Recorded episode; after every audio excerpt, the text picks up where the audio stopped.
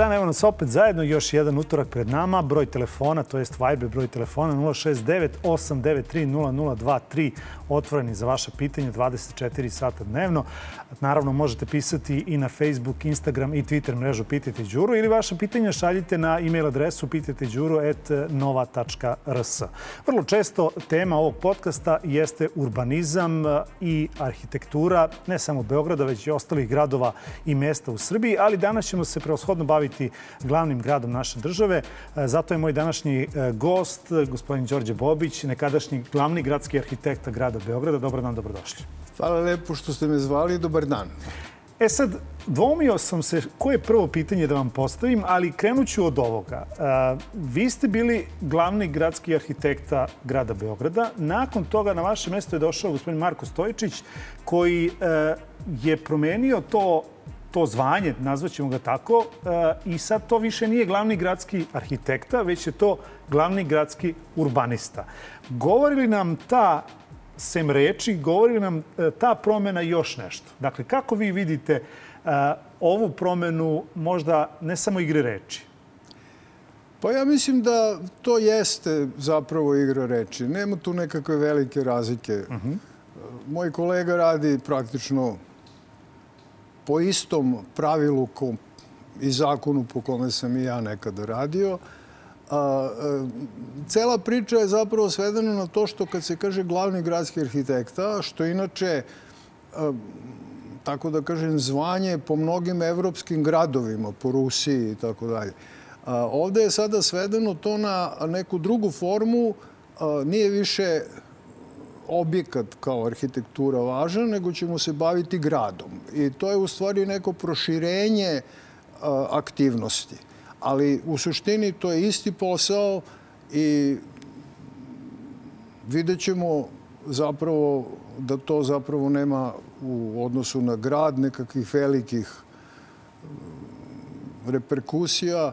Bitno je šta se zaista radi. Ne a, šta samo... se, a šta se, Đorđe, zaista radi? Dakle, da li možete da napravite, ajde onda ako ne možemo da pravimo ovu vrstu paralele, ali da li vi možete da napravite paralelu u odnosu kada ste vi bili E, kao glavni gradski arhitekta i danas. Dakle, da, da se ne bavimo samo imenom i prezimenom, već da, samom da, da. funkcijom. Dakle, šta je ono što ste vi mogli na toj funkciji da kažete ovo može, ovo ne može, a šta to danas može glavni gradski urbanista? Dakle, pitali se nešto e, neko ko je na takvoj funkciji?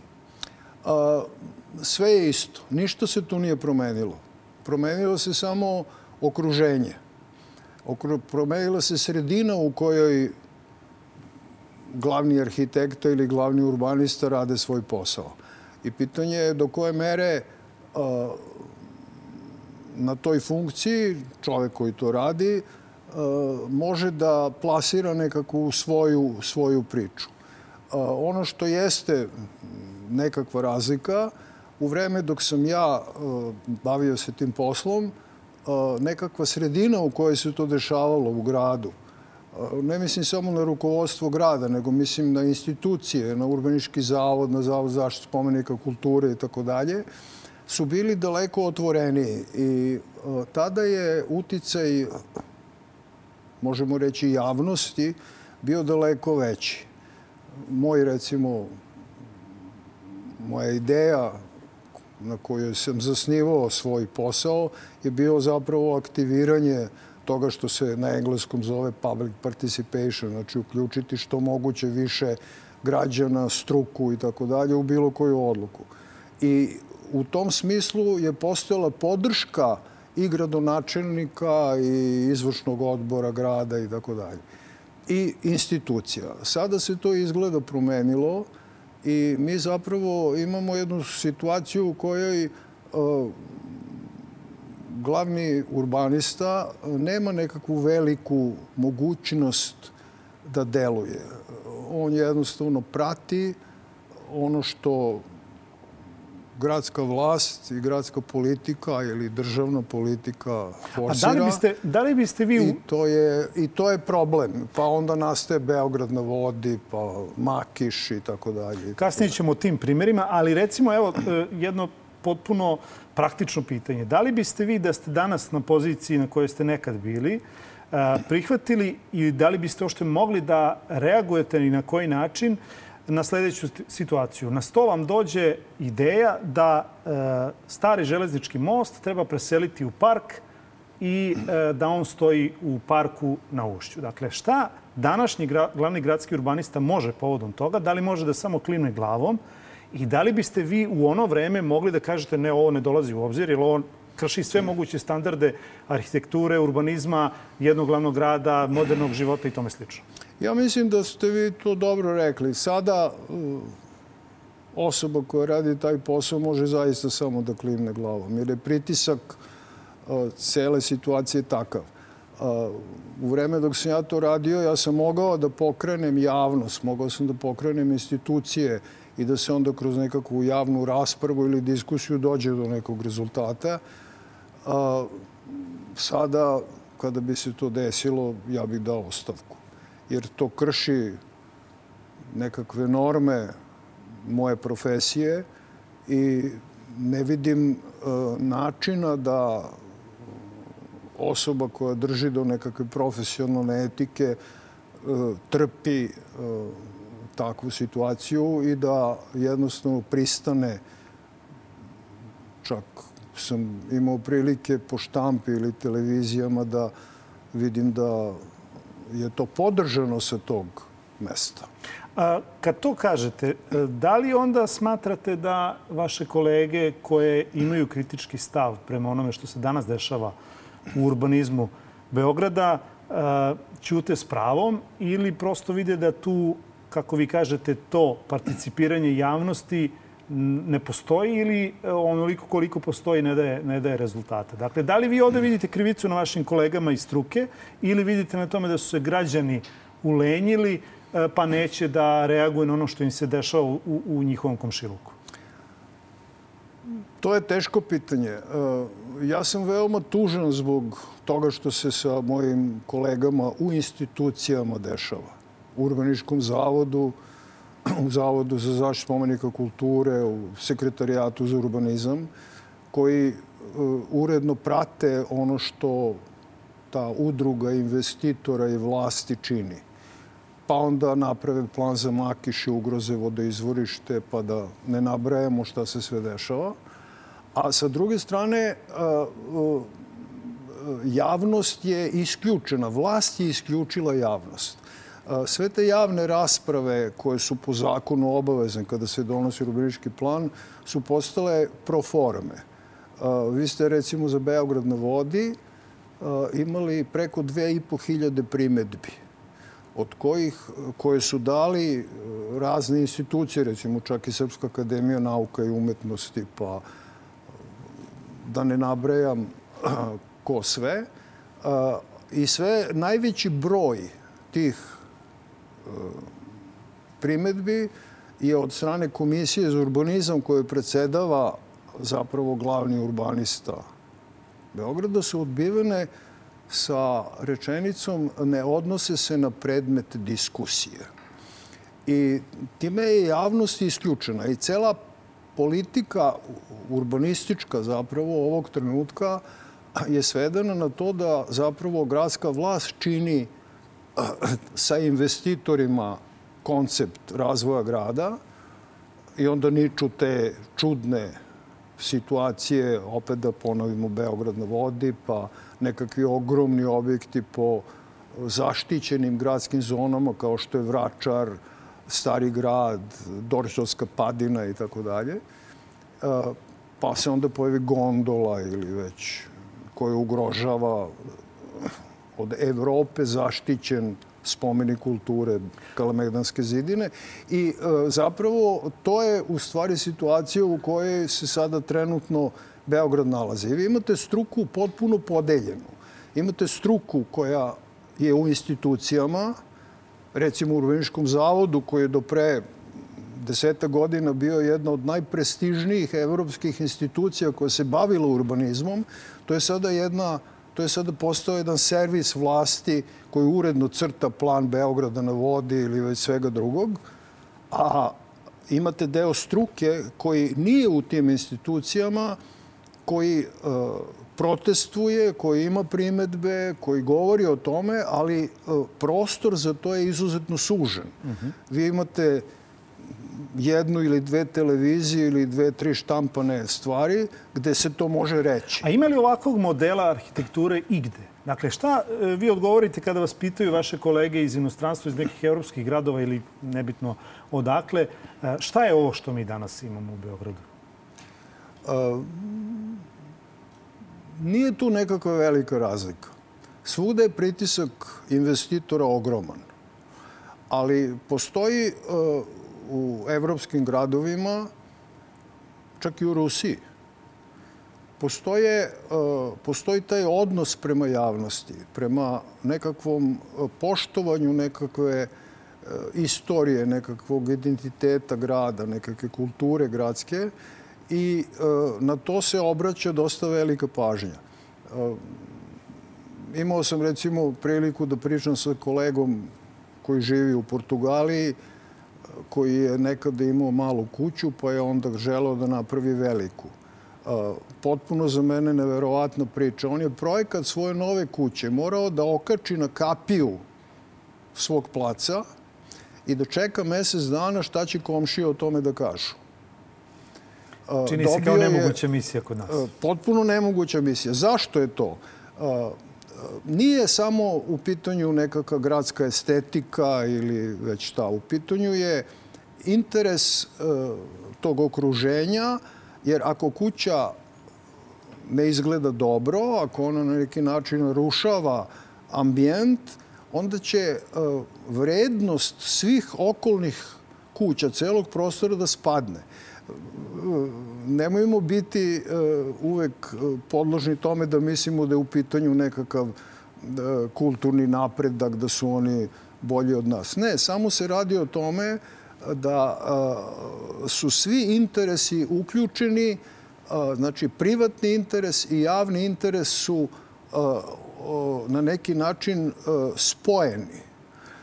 Ovde je zapravo došlo do situacije i to je ono što je u Beogradu ovog trenutka, pa mogu reći najopasnije, da je taj privatni interes koji sada podrazumeva ne građane, nije sad privatni interes građana, nego privatni interes kapitala, investitora udruženog sa vlašću, taj privatni interes je javni interes isključio. I onda vi možete da očekujete da se recimo metro linija iz centra grada premesti na periferiju jedan novinar je lepo rekao, to je sad nova linija koja ide tamo pored Beograda na vodi, e, linija koja od nigde ide nikuda. Dokle ovo može ići? Kad vi kažete ide, sad oslonili smo se na metro, ali dokle, dokle uh, će ovaj grad moći da trpi ovakav urbanistički, to jest investitorski urbanizam, tako to neki nazivaju? Ja bih hteo nešto da kažem. Ja protiv investitora nemam ništa. Naprotiv. Bez investitora nema gradnje, nema napretka, nema razvoja. Oni su važni. Ali posao države je da ih na određen način, ne mogu reći drži pod kontrolom, ali da ih obaveže da se drže onoga što je planom predviđeno, i da ne mogu sami kreirati uh, gradski ambijent i formu. Da to mora da čini struka u saradnji sa javnošću. Uh, u neprekidnom razgovoru, u neprekidnoj diskusiji, uh, nijedan grad ne može da opstane onaka kakav je bio pre dva veka, naravno. Sve se to menja i treba da se menja. Ali ne može se dozvoliti da investitori budu ti koji su glavni urbanisti, koji su glavni e, investitori i da na taj način zapravo grade nekakav čudan grad koji sa nama građanima nema više nikakve veze. Ali evo, jedno pitanje koje je potpuno uh, kao građanin vas to pitam, ne kao novinar. Uh, jeste li u vašoj karijeri imali sledeću situaciju da je neko došao i tresnuo sa nekim projektom vama o sto i rekao ovo mora da prođe? Da. Jeste li imali to i jeste li to vratili? Da. Ja na to nikada nisam pristao. možda to sad zvuči malo samohvalisavo, ali zaista nije. Jednostavno, ne radi se o tome da ćete vi na osnovu tog projekta profitirati kao arhitekta ili već šta. Ne, radi se o tome što vi gestom odobravanja takve situacije za nanosite gradu jednu ranu koja ne može da zaraste više nikada. I to je ono što ja zovem profesionalnom etikom, koja je kod mojih kolega u institucijama na neki način pokrivena i to se može promeniti isključivo promenom vlasti, promenom načina funkcionisanja grada mora se vratiti nekoliko koraka unazad, obnoviti institucije, recimo urbanistički zavod, vratiti mu moć koju je imao, moć struke.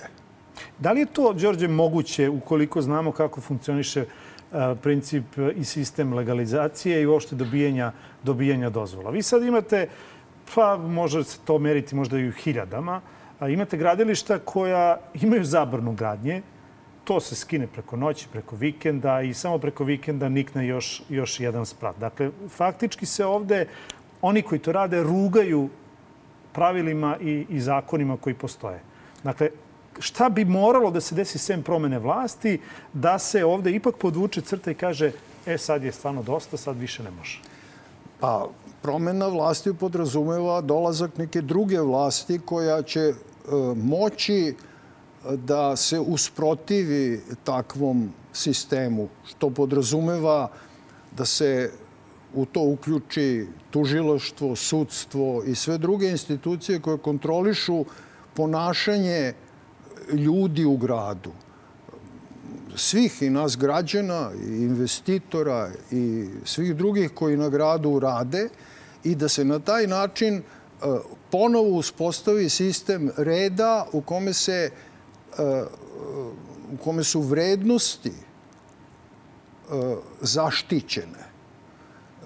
Jedna vrednost je urbanistički plan.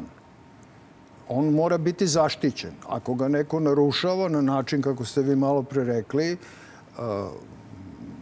zato što korupcija hara, zato što pojedini ljudi koji raspolažu ogromnim kapitalom ili političkim kapitalom, ne radi se znači samo o ekonomiji, mogu sebi da dozvole to što se čini. Ja sam sada gledao nekoliko zgrada na Vračaru, ogromnih, potpuno neprimerenih tom prostoru, pa sam se onda informisao i onda se ispostavilo da su najveći broj tih objekata su zapravo bespravni. Oni nemaju legalitet po zakonu. Ali oni opstaju zato što je onaj koji je u to investirao e, našao način da pridobije ili potkupi e, one koji bi trebali da mu to zabrane. E, iako kažu da je, da je lepota u oku posmatrača, ali kako vi kao arhitekta kada prelazite Gazelu ili Brankov most, svejedno s koje strane dolazite, pa pogledate na, na Beograd na vodi, um, da li je on naš grad ulepšao ili je on zamaskirao grad koji je onako, mnogi kažu da je to jedan od uh, estetski i urbanistički najneuređenijih gradova u Evropi? Pa ne bih se baš složio sa tim da je on najneuređeniji. On je grad koji je nastajao dva, tri veka i to što je nastalo je ono što jeste njegova vrednost.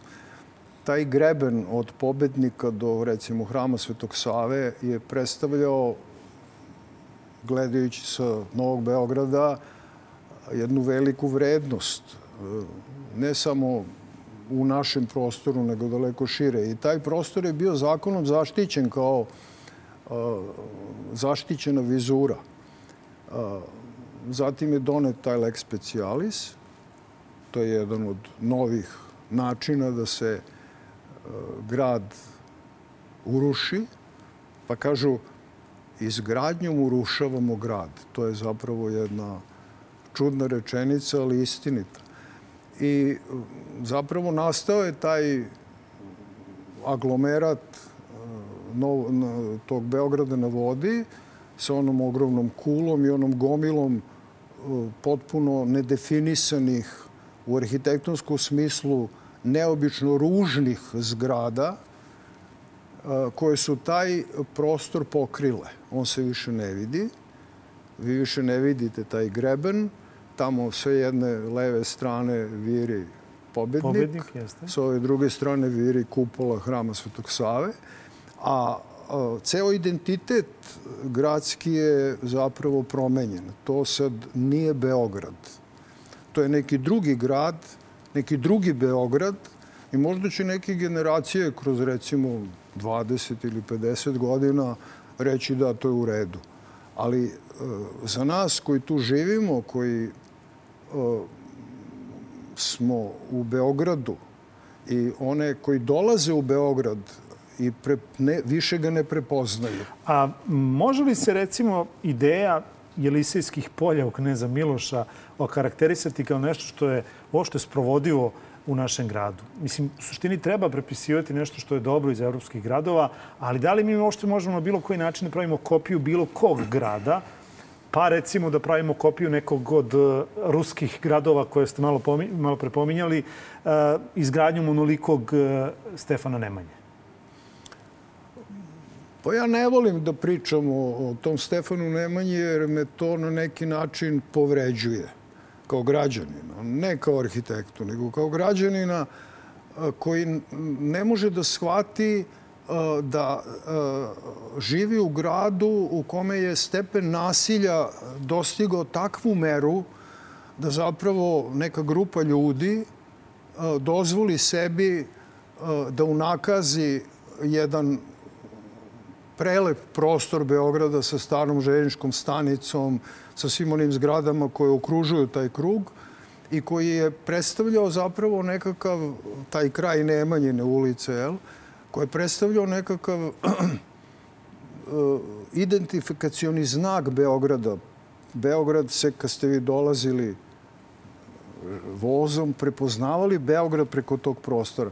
To je sada uh, sasvim promenjeno, unakaženo, jednim potpuno neprimerenim uh, objektom kao što je spomenik Stefanu Nemanji, a ono što opet mene kao građanina uh, posebno povređuje, to je što je uh, za taj gest, za tu ogromnu, čudovišnu skulpturu upotrebljen lik jednog srpskog vladara koji je ovu našu državu nekada stvarao. I to prosto ajde da kažem, kao što bi klinci danas rekli, nije fair prema istoriji mog naroda. Ima li nešto što je dobro? Pa ima. Recimo, Kej na Beogradu na vodi je nešto što je dobro. Jedno lepo mesto napravljeno za šetnju uz reku. Druga je priča što tu nema nikakvih sadržaja koji bi nekakav gradski centar formirali, postoje neki ugostitelji, tržni centri i tako dalje, ali nema nijednog objekta kulture ili nekakva izložba, recimo slika i tako dalje. No dobro, ali to e, kao prostor nije loše. E, lepo je uređen i onaj deo oko beton hale i tako dalje. Postoji, znači, u gradu e, dosta stvari koje funkcionišu kako treba, ali to su uh, samo, kako da kažem, prirepci uh, onoga što predstavlja uh, suštinu koja naružava grad. Taj prelepi kej koji je napravljen, iza njega je jedno čudo potpuno neprimereno. I vi kad se tamo šetate, ja sam dva, tri puta išao, to delo je dosta dešperatno. Ja sam bio pre par meseci jedno veče tamo, bio mrak i vi imate one ogromne kule na kojoj svaki peti prozor svetli. I vi se osjećate e, kao da ste u jednom napuštenom gradu. To je vrlo čudan neki osjećaj. Ali to što govorite ne ide u prilog onome što mi danas imamo u smislu cena nekretnina u Beogradu. Dakle, bilo je priča negde čak i ova 2022. da je to neka granična godina kada će to prestati da divlja, ako to tako možemo da kažemo, ali nas situacija na terenu u tome demantuje. Čak se najavljuje da sad pređemo iz Beograda i, na, i u Novi Sad. Najavljuje se i neki Novi Sad na vodi. Jeste Novi Sad na vodi. E, I bio je i Zagreb na vodi. Nemojte. Moj kolega iz Zagreba mi piše da su oni uspeli da odbrane A kakav recept su oni imali? Pa oni su imali veću mogućnost zato što je tamo još uvek uticaj javnosti nije isključen iz pravljenja grada. Još uvek imaju mogućnosti da reaguju kroz svoje društvo arhitekata, kroz razne institucije i o tome se tamo još uvek vodi nekog računa za razliku od ovoga ovde ili u Novom Sadu, svejedno. Znate, u nekakvom demokratskom društvu, koje se bar tako naziva, nije logično da oko nekakvih urbanističkih problema koji jesu problem ili nekakav spoj struke i građana koji bi trebali zajedno da kreiraju taj prostor u kome žive, nije logično da građani moraju protestom na ulici vikom, galamom e, da se izbore za e, opstanak svog grada. E, to je sasvim nešto izuzetno. Ja takvu situaciju u evropskim gradovima, živeo sam u Parizu i putovao koje kuda, nikada nisam video. Protesti mogu biti iz nekakvih političkih ili kakvih razloga, ali protesti protiv urbanističkih gestova su apsolutno naša nekakva e, stvar po kojoj ćemo da se prepoznajemo. E, nije logično da vi e, zbog urbanističkog plana koji recimo menja sliku grada, imate protest na ulici. Kad pominjete plan, šta vidite kao najproblematičniji deo generalnog urbanističkog plana? Generalni urbanistički plan, ovaj koji je trenutno u izradi, je jedna od najopasnijih stvari za grad Beograd. Zato što je on sada prihvatio da legalizuje sve što je do sada urađeno ili se ima namera da bude urađeno. U tom urbanističkom planu postoji ta nova opcija metroa koji je tako nametnut Beogradu zbog Beograda na vodi. Da bi taj prostor dobio bolji rejting, onda on sad ima metro, pa kad je sad je metar kvadratni, kad ima metro, malo skuplji nego kad nema metro. I sad generalni plan radi na tome da takve stvari uh, legalizuje.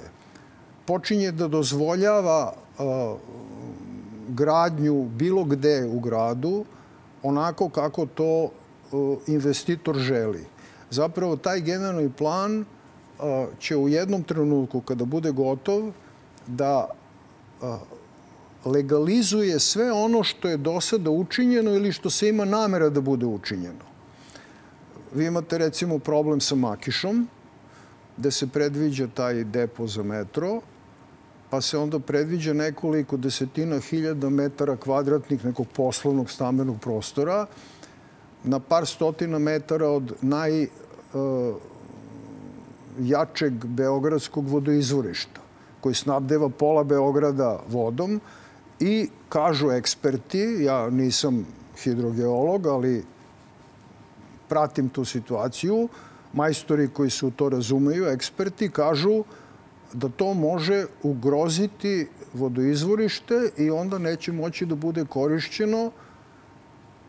I sada generalni plan kaže da, to može tako, ali pošto sad shvate da postoji tu opet neki problem, onda sad idemo na veliko ratno ostrovo koje je zaštićeni prirodni rezervat, Pa ćemo tu sada da pravimo izvorište i tu dvadesetak reni bunara i od tog e, prirodnog rezervata zaštićenog neće ostati ništa, jel? Ako ja vas dobro razumem, dakle, generalni urbanistički plan u nekom urbanističkom smislu je, ajde kažemo, sveto pismo, to jest vrhovni zakon. Jeste. A, I njega ne bi trebalo da menjamo svake godine, već se on do, donosi na nekoliko decenija. Jeste.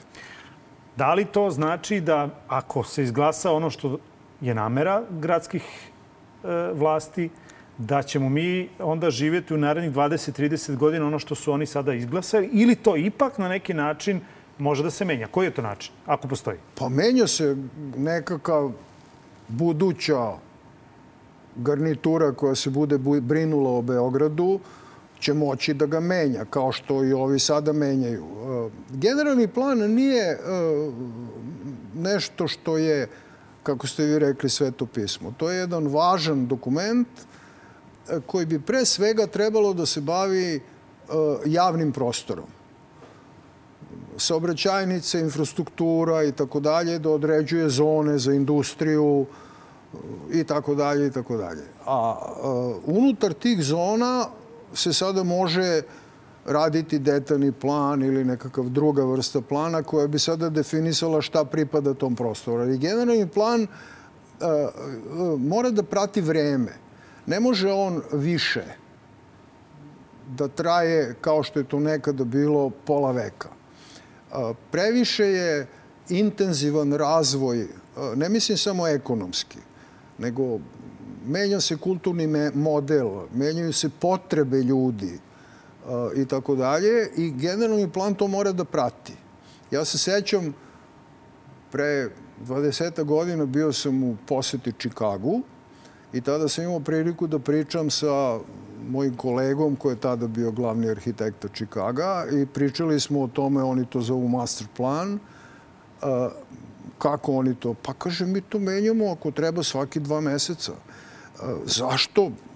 Pa moramo pratiti ono što se dešava. Dakle, nada ipak postoji i ovde je na građanima da ne dopuste očigledno da to samo tako prolazi ispod žita. Ja mislim da je to najvažnije u stvari, da neko ko bude u budućnosti vodio ovaj grad, mislim i na vlast, i na struku, i na glavnog urbanistu i tako dalje, će morati da imaju glavni zadatak, a to je da vrate javnost u igru i da oslobode institucije političkog i ekonomskog investitorskog pritiska.